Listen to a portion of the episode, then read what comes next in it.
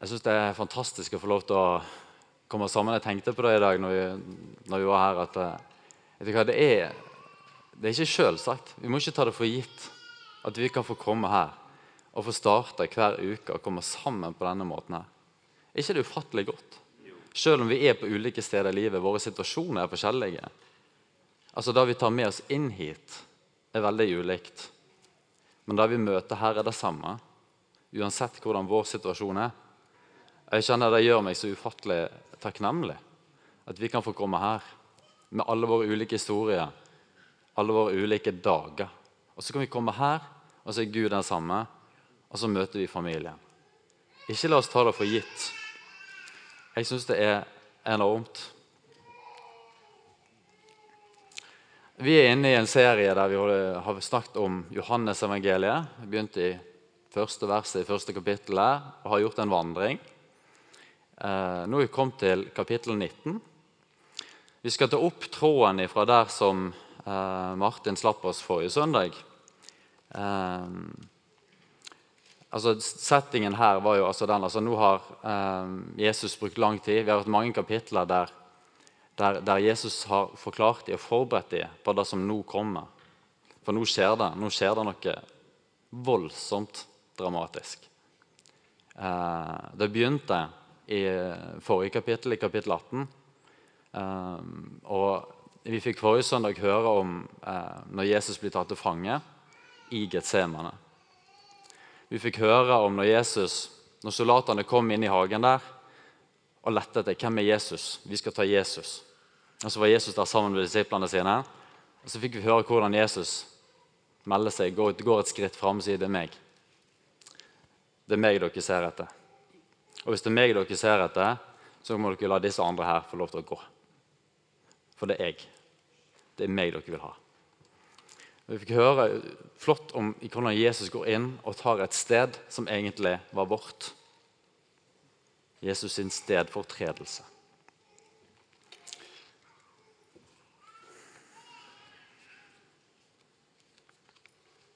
Dette kapittelet her, så fortsetter historien egentlig akkurat der han slapp sist. For Jesus ble tatt til fange, han ble ført til Pilatus.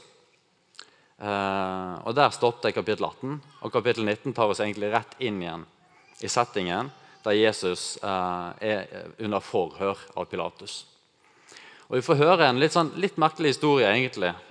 for det, Pilatus han er tydelig at han, han forsvarer også Jesus i denne rettssaken. her. Han kommer inn og han har ikke særlig lyst til å dømme Jesus. Eh, så det er litt sånn fram og tilbake her på Pilatus. Han prøver å sette jødene litt fast, mens de prøver å sette han fast. Eh, men det ender med at Jesus da blir dømt, litt ute i kapittelet. Han blir dømt, eh, og han blir korsfesta. Han dør, og Jesus blir gravlagt. Det er settingen for denne søndagen. her. Jesus er med forhør av Pilatus. Han blir dømt. Han blir korsfesta. Jesus dør, og så blir han gravlagt.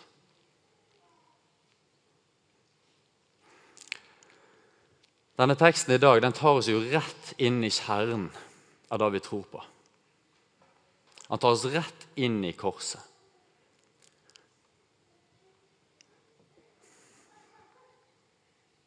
Jeg vet ikke hvordan det er med dere, men apropos ekteskapskurs her i stad.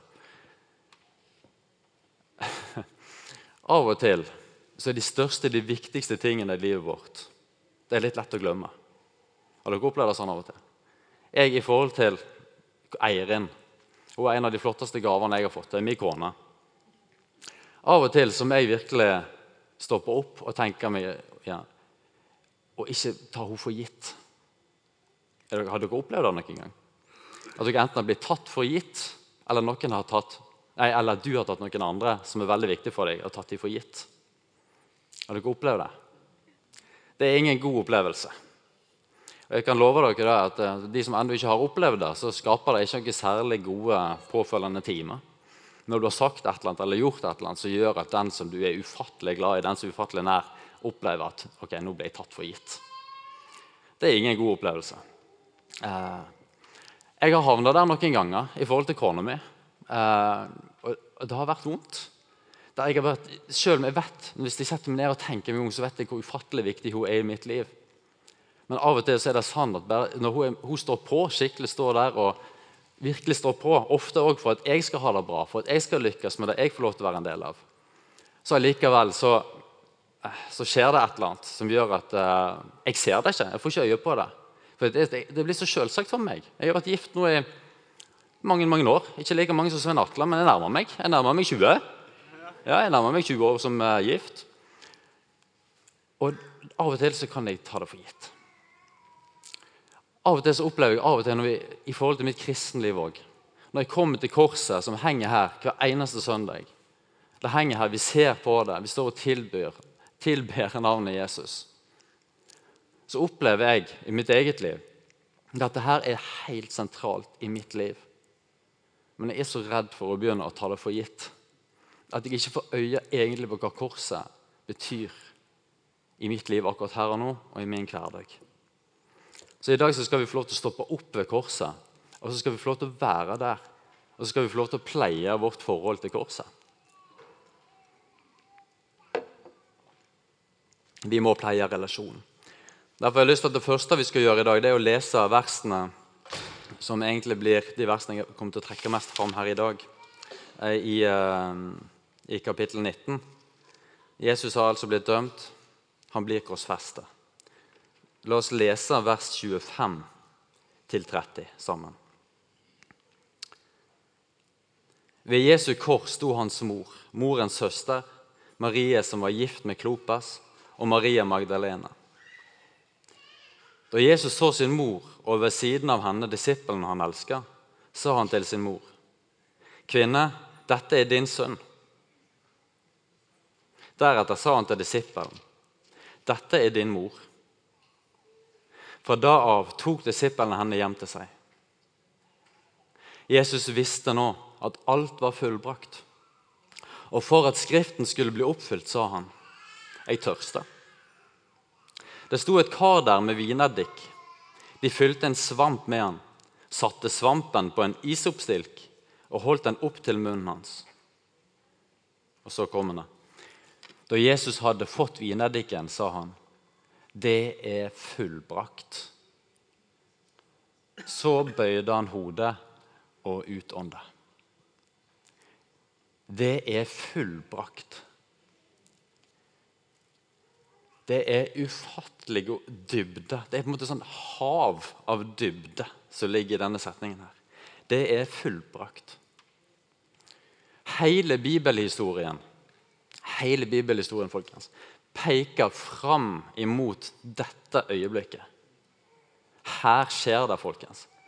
Hele bibelhistorien peker inn mot det som skjer akkurat nå. Hele kirkehistorien peker ut ifra det som skjer akkurat der. Dette her er sentrum, folkens. Dette her er sentrum i det vi tror på. Derfor henger korset her. Derfor går vi rundt med kors på oss for å minne oss om dette. Alt leder inn til korset.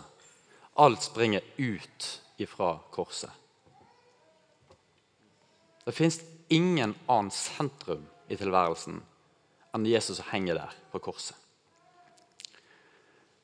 Dette her er frelseshistories toppunkt og klimaks. folkens. Helt ifra mennesket falt i synd, så har, Jesus, så har Gud hatt ett eneste brennende ønske.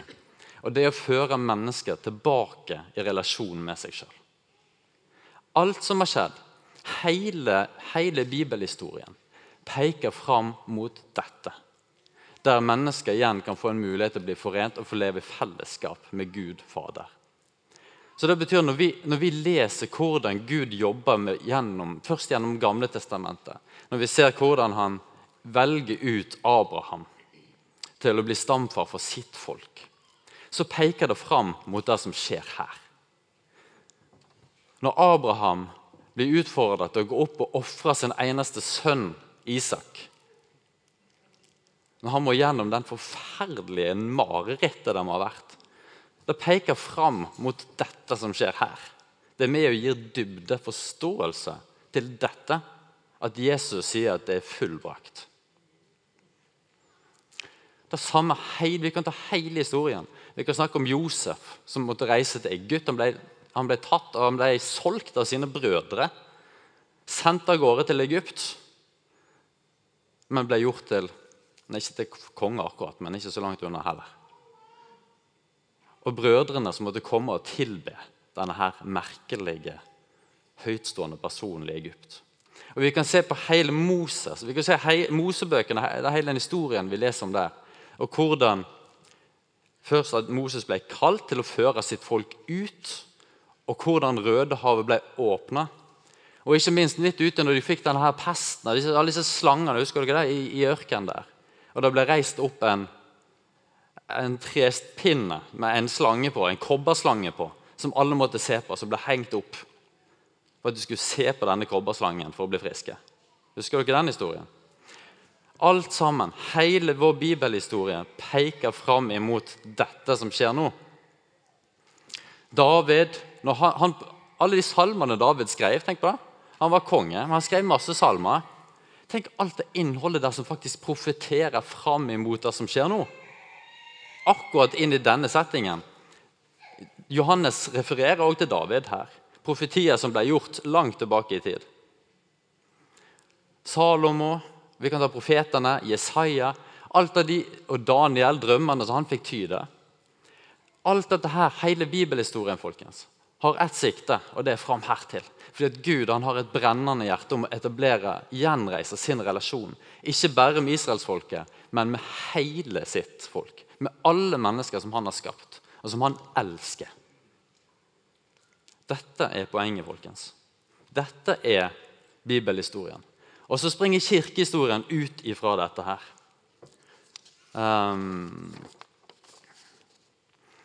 og det er, så for, uh, det er jo så viktig for Johannes å få vist dette. her også, så Han refererer det jo veldig tydelig for at Skriften, dette ordet, slik, eller, slik skulle dette ordet i Skriften bli oppfylt. Sånn, sånn, Det kommer igjen flere ganger her i vers 24 og utover i eh, tre-fire steder. Bare i dette kapittelet her, så går Johannes inn og presiserer i teksten at for at disse profetiene her skulle bli oppfylt Nå må dere skjønne det, det, det, det, er, dette vi, det er dette vi har snakket om. Det er sånn, sier, nå må dere skjønne det. Eh, det er dette det peker fram imot. Dette som skjer på korset. Eh, ja. Og ikke bare det, men det er også Jesus sitt liv. Altså Det er fullbrakt, sier Jesus. Det store bildet her er at hele frelseshistorien får sitt klimaks. Det er klart at Vi lever fortsatt i frelse, men nå lever vi i kirka. Vi lever i Den hellige ånd sitt, eh, sin tidsalder, sitt paradigme. Men dette var sentrum. Det er dette det sprenger ut ifra. For Den hellige ånds oppgave er å peke på Jesus. Det er å peke på korset og det som skjedde der. Det er Den hellige ånds oppgave. Så det er frelseshistorisk midtpunkt. Men så er det også et midtpunkt i Jesus sitt liv. Jesus har gått rundt og vært, eh, Han var 33 år her. Men De siste tre årene har han gått rundt, undervist, helbredet syke gjort godt. Det er det Jesus har gått rundt og gjort godt, helbredet de syke og forkynt at Guds rike er kommet nær. Sant? Det har Jesus gjort. Nå er hans tjeneste òg fullbrakt. Den kalken som han måtte ta, er, det er fullbrakt, folkens. Det er, og Dette her er helt sentralt, og det er jo fascinerende når vi leste når vi begynte nattverden i dag. Jeg synes det var så utrolig fint. Jeg som visste hva jeg skulle snakke om, så ble det ekstra fint akkurat i dag. Men når vi leser trosbekjennelsen sant, og så ser hva er det vi sier for noe om Jesus, jo, det, er dette vi, det er dette vi refererer til. Han ble pint under Pontus Blatus, han ble korsfesta, han ble død, han ble begravet. Han for ned til dødsriket. Han tok kampen for oss. folkens. Dette her var Jesus, dette oppdraget han hadde nå brukt mange kapittel i Johannes-evangeliet, brukt hele sitt liv på å på en skape. Nå må dere forstå hva som skjer her nå. Nå åpner jeg en dør, nå åpner jeg en vei tilbake til Gud Fader, så dere kan få leve den relasjonen dere var skapt til. Ikke sant? Er ikke det stort? Ja, jeg syns det er nydelig. Det er fullbrakt. Jesus' sin gjerning var fullbrakt. Jeg likte veldig godt at Paulus fikk uh, god plass i dramastykket. Jeg er veldig glad i Paulus. Han er, han er min store helt.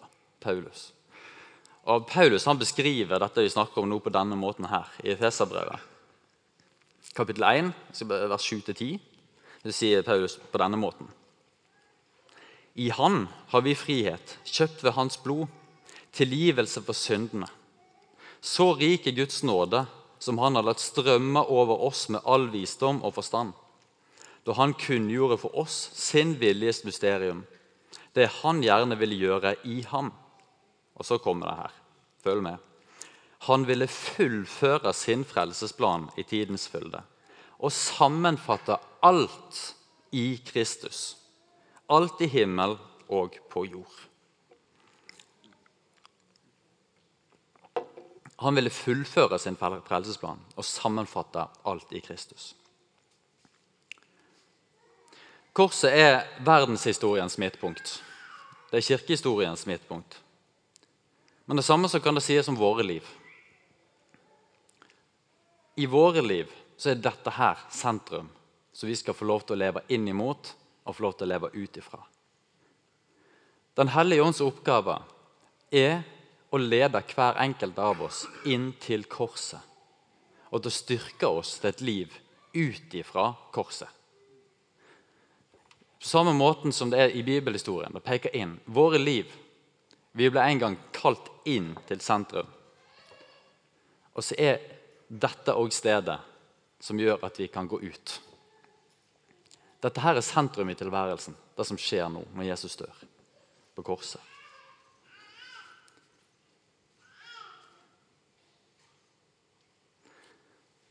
Og I møte med vår egen utilstrekkelighet, vår egen synd og skyld, så kommer vi til kort. Jeg kjenner det i mitt eget liv. Galaterne sier en del om, en del, peker på en del ting som burde ikke være som frukt i våre liv. Jeg kan gjenkjenne en del av de tingene i mitt eget liv. Jeg kan kjenne på skam. Jeg kan kjenne på skyld. Jeg vet at jeg av og til kan falle i fristelse for å hevde meg sjøl. Jeg vet at jeg kan falle i synd ved å bli for altfor sint. Jeg kan tenke på historien i mitt eget liv der jeg, så skav, når jeg tenker på det, Hvis jeg gir det rom, så kan jeg kjenne hva det skaper.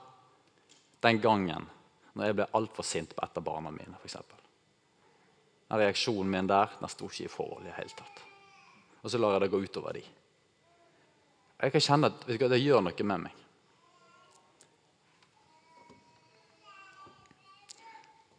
Men Jesus han har tatt det vekk. Disse opplevelsene er ikke meint å være der for at de skal sette, prege meg og for at de skal gi skam inn i mitt liv. Men når jeg kjenner på disse tingene, her, så blir jeg kalt tilbake til korset. Tilbake til sentrum i det som er min tro. Tilbake til korset.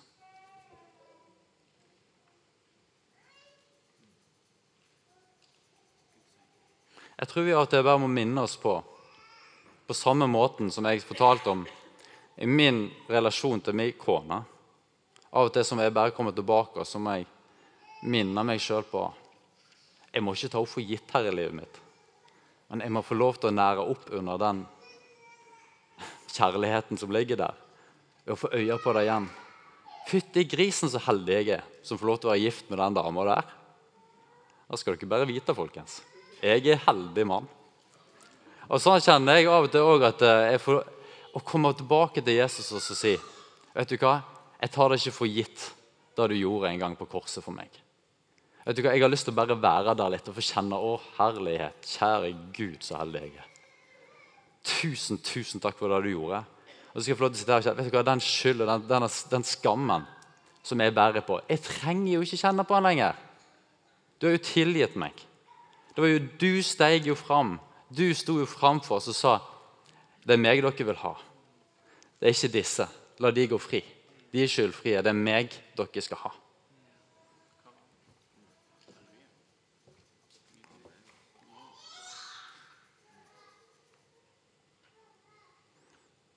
Jeg er så utrolig glad for at Jesus gjorde dette for meg på korset. For da slipper jeg å få som fortjent. Er ikke det ufattelig godt? Av og til så føler vi vi burde få som fortjent. Men i dette perspektivet her så skal vi alltid huske på det.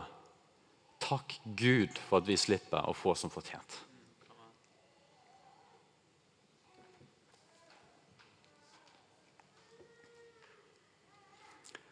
Fordi at han når Jesus døde på korset, så tok han vår skyld og vår skam med seg. Rett inn i døden, der på korset. Og det er der i døden at vår skyld og vår skam hører hjemme. folkens. Det er ikke meningen at vi skal gå rundt og bære på det og minnes det og anklage oss sjøl med vår synd og vår skam. Meningen er at vi skal få lov til å se at det er nagler der sammen med Jesus, oppe på korset. Det er der det hører hjemme. For Jesus tok dem med seg dit. Sånn? Igjen tilbake til Paulus. Jeg elsker Paulus. Nei, Jeg bruker ikke ordet 'elsker' på den måten, men jeg er veldig glad i Paulus. Paulus han sier, Kolosserne 2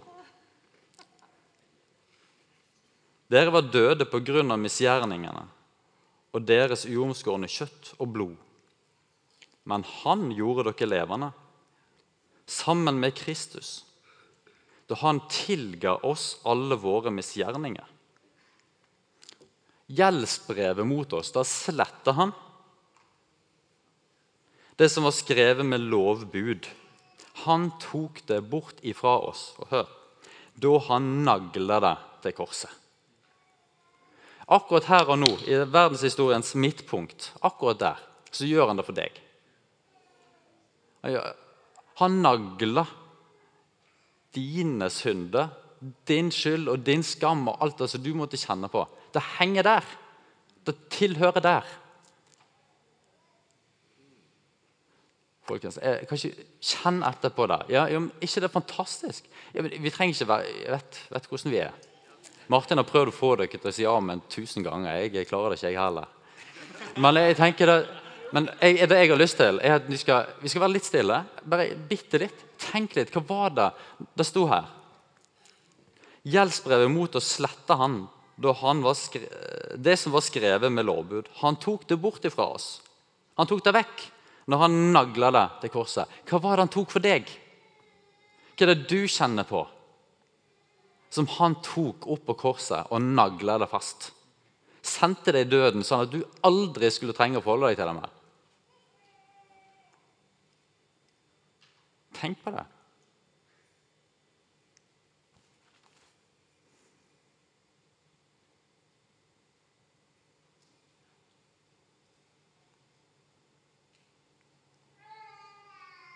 Kom, Jesus, med din frihet inn i dette. Kom, Jesus. Kom med din frihet. Du har sendt deg inn i døden.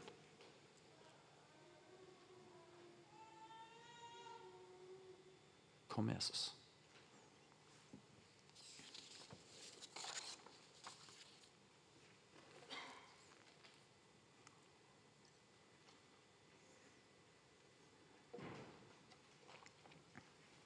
Kom, Jesus. Jesus han gjør her noe som er typisk trekk ved hvordan ting fungerer i Guds rike. Og vi får lov til å være borgere der. folkens. Han tar det som er ødelagt, han tar det som er knust, og så setter han det sammen på en ny og overraskende måte, og så gir han det liv.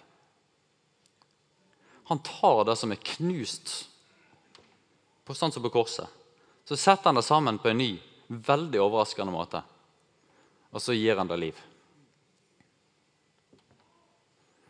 Det er så ufattelig mange paradokser i Guds rike. Og det gjør det litt vanskelig som menneske å forstå. I Guds rike så er ting bare litt annerledes. Men vi skal få lov til å feste tillit til det. I denne teksten her så møter vi noe som er veldig paradoksalt. Det er måten denne seieren her skjer på. Det er så paradoksalt. Hvis vi leser da fra kapittel 19, de første versene i kapittel 19 Bare Hør hva Jesus ble utsatt for. Pilatus grep nå Jesus og lot ham bli piska. Soldatene fletta ei krone av torner og satte den på hodet hans. Og de la ei purpurkappe om han. Så trådte de fram for han og sa, 'Vær hilset, du jødenes konge.' Og de slo han i ansiktet. Det er voldsomt. Nå holder Jesus på å vinne. Det ser ikke sånn ut. Men vet du hva Paulus vet du han beskriver dette her? Dette, denne hånen, denne forakten, denne totale ydmykelsen som skjedde på korset. Paulus han hadde fått et annet perspektiv på dette. her. Når han igjen skriver til kolosserne, så skrev han det sånn. Han skrev det helt motsatt. For Jesus var kledd naken og spotta. Men det, det Paulus beskriver på korset Han, altså Jesus, kledde maktene og åndskreftene nakne og stilte de fram til spott og spe når han viste seg som seierherre over dem på korset.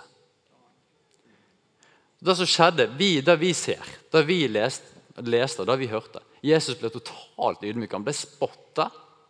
Han ble drept på korset. Men i den åndelige verden så var historien totalt annerledes. I den åndelige verden så ble åndskreftene de ble kledd nakne og de ble spotta når Jesus viste seg som seierherre.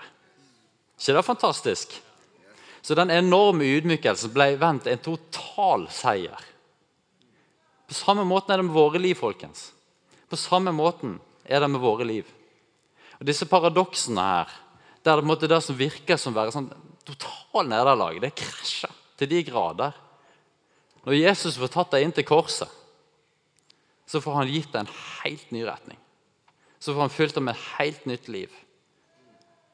Og så lar han det bli til velsignelse. Det er så mange illustrasjoner på dette. En av de fantastiske illustrasjonene på dette her, som vi har lest om Johannesevangeliet, er jo eh, kvinner ved brønnen. Jeg synes Den historien den elsker jeg. Den leste vi om i kapittel 4. Denne dama her som blir totalt avslørt av Jesus. Eh, hun kommer der, eh, Jesus ber om vann, og bla, bla, bla. Og så avslører han synd, så avslører han livet hennes. Han sier, avslører det at hun hadde mange menn, hun der. Hun hadde ikke livet sitt helt på stell. Paradokset i dette er jo nettopp hennes respons. For Hun har møtt noe i dette med sannhet, men i kjærlighet. så hun har møtt hos Jesus. Hun blir totalt ydmyka. Men i samme øyeblikket så skjer det et eller annet som gjør at hun springer jublende tilbake og får forkynne i, i landsbyen sin. Hør her! Det er en mann som vet alt om meg! Det er jo helt rått. Hva er det som skjedde her, da? Det var ikke akkurat ved korset, vi har ikke kommet så langt, men det var Jesus. Jeg møtte Jesus. Et eller annet helt paradoksalt. Det knuste, ble fylt med liv. Vi rekker kjapp, kan du kjøre den videoen? Jeg har lyst til at Vi skal se et vitnesbyrd fra Thailand. Nå skal vi ikke fokusere på dette. Jeg viste det her for to uker siden, men jeg synes den er så fin. Ikke tenk Thailand nå, men tenk, hør vitnesbyrdet til denne damen her. folkens. Hør vitnesbyrdet. Jeg har lyst til at vi skal bare høre det. Kjør film.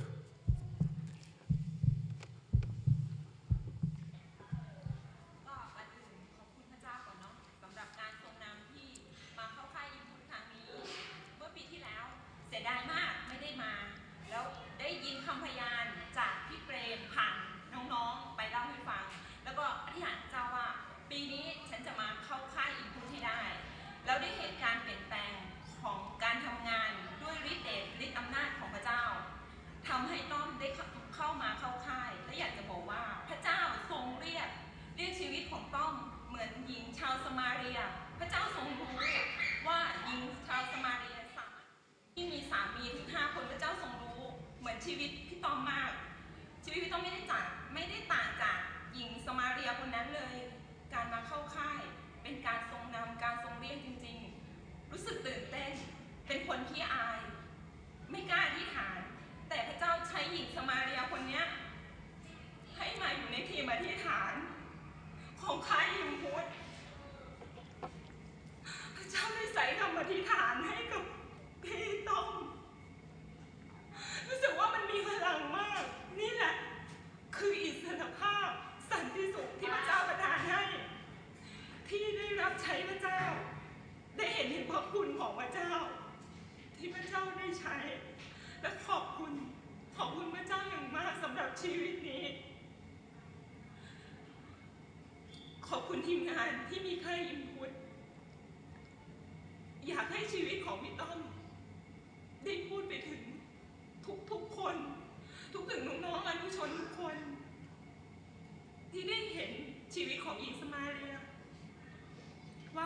ใช้งานได้สำหรับพระเจ้า เพราะหัวใจของเขาที่แตกสลายไม่สามารถหยิบมาใช้งานได้แล้ว แต่เพราะความรักของพระองค์พระองค์ได้ใช้ผู้หญิงคนนี้ ได้อะไรเยอะแยะมากมายมากสำหรับการรื้อฟื้นครั้งนี้การฟื้นฟู ฟื้นฟูจิตวิญญาณ ที่อยากจะมานมัสการพระเจ้าอย่างสุดจิตสุดใจ พี่ต้องอยากยินทายว่า ชีวิตพี่ต้น รักพระเจ้ามากแม้พี่ต้นจะต้องตายอีกรอบหนึ่งต้องยอมขอพระเจ้าอวยพรทุกคนครับ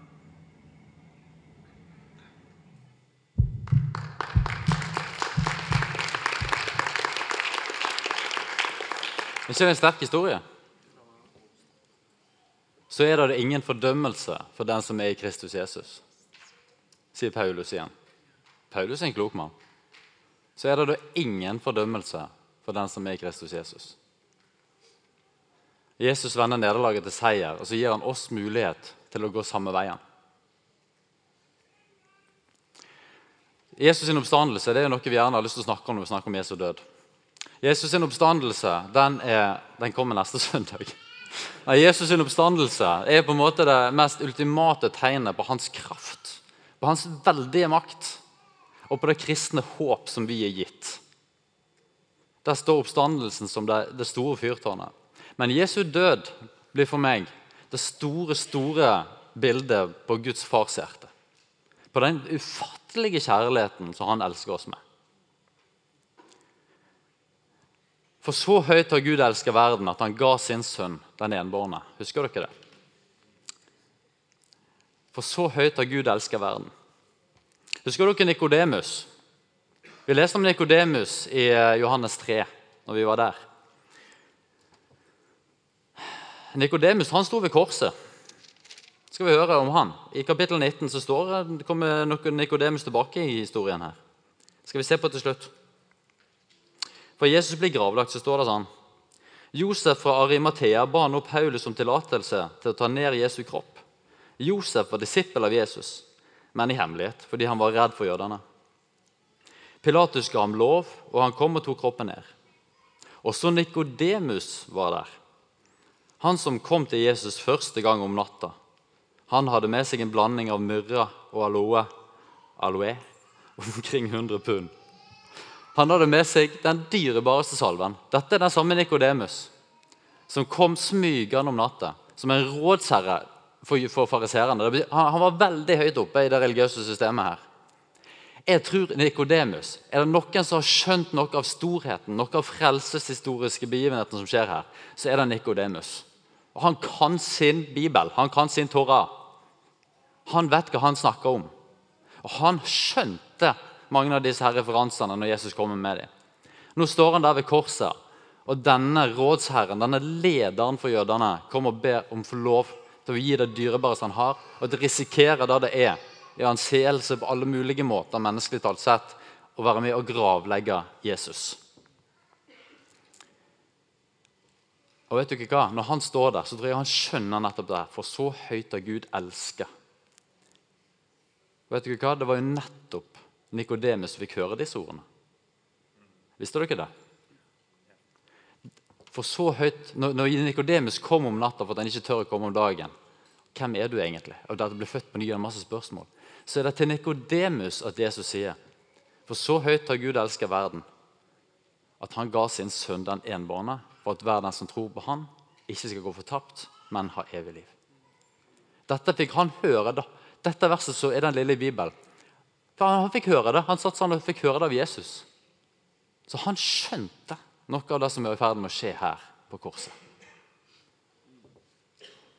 ikke det ufattelig? Og I den samme setningen så hadde også Nikodemus fått høre dette, dette var Jesus sine ord til Nikodemus. Slik som Moses løftet opp slangen i ørkenen, slik må menneskesønnen bli løftet opp for at alle som tror, skal ha evig liv. Ok, Guds frelsesverk, nå skal vi slutte her, men altså, det sier noe om ikke så veldig mye om oss, men det sier, sier noe om hvem han er. Det sier noe om hvem Gud er, at han elsker oss så ufattelig høyt. folkens. Dere, bare, en, eh, kan dere bare gjøre dere klar? For det dette, her, dette her er selve kjernen, egentlig. Det handler om hans bevegelse imot oss. Ehm, jeg må få lov til å ta en siste Paulus-referanse her. Det, hør her. I Titus 3-4-5. Lett å huske. Titus 3-4-5. Men det ble åpenbart hvor god vår Gud og frelser er, og at han elsker menneskene. Han frelste oss, ikke pga. våre rettferdige gjerninger, ikke fordi vi fikk som fortjent, men fordi han er barmhjertig Han demonstrerer en kjærlighetens vei, ikke en komfortens vei eller en parademarsjen. Vi er heller ikke kalt til å leve i parademarsjen. Vi er kalt til å gå kjærlighetens vei. Vi får ta imot et frelsesverk fordi han er kjærlighet. Han er kjærlighet. Han har ikke kjærlighet, men han er kjærlighet. Og den øser han ut til oss, folkens, så vi bare skal få lov til å ta imot. Fordi at han elsker oss ufattelig høyt. Det var der vi begynte. Frelseshistorien begynner med en Gud som elsker og skaper, for han ønsker fellesskap. Han setter korset som et midtpunkt i tilværelsen for å vise og demonstrere sin kjærlighet. Og så kaller han oss til å leve et liv ut ifra den kjærligheten, i kraft av den nåde som er gitt oss, til å leve et liv for ham. Ikke nødvendigvis i komfort, men med en ufattelig trygghet om at han er med oss alle dager. Og at vi skal få leve i dette. Så jeg har lyst til at Vi bare skal få reise oss så skal vi bare, bare ta imot. Jeg har bare lyst til å be mens vi kanskje begynner å spille litt. Jeg har bare lyst til å be en bønn til slutt over oss alle sammen. For ungene bare kommer. Men jeg har så lyst til at vi bare skal åpne hjertene våre, så vi skal bare få lov til å ta imot. For dette her er ikke en hodeforståelse, folkens. Dette dreier seg ikke om å skjønne enda mer dybden i teologien. Dette dreier seg om at det er en sannhet over ditt liv. Det er en sannhet over ditt liv. Han døde for deg. Så flytt, kjære Jesus, flytt disse her berømte centimeterne fra hodet og ned i hjertet av Jesus. Sånn at det kan få renne ut i våre hender, sånn at vi kan få tjene i kraft av det som ligger i hjertet. Ikke i kraft av det som vi forstår med hodet. Men kjære Jesus, kom her og flytt dine ord ned i våre hjerter, så vi skjønner at du gjorde dette her for meg, og du gjorde det for deg, og du gjorde det for oss. La oss bare ta imot av hans ufattelige kjærlighet.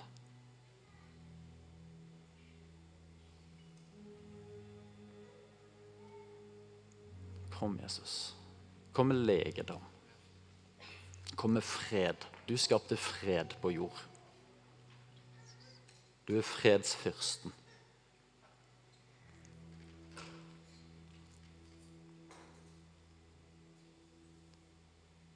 Kom, forløs dine sannheter i våre hjerter.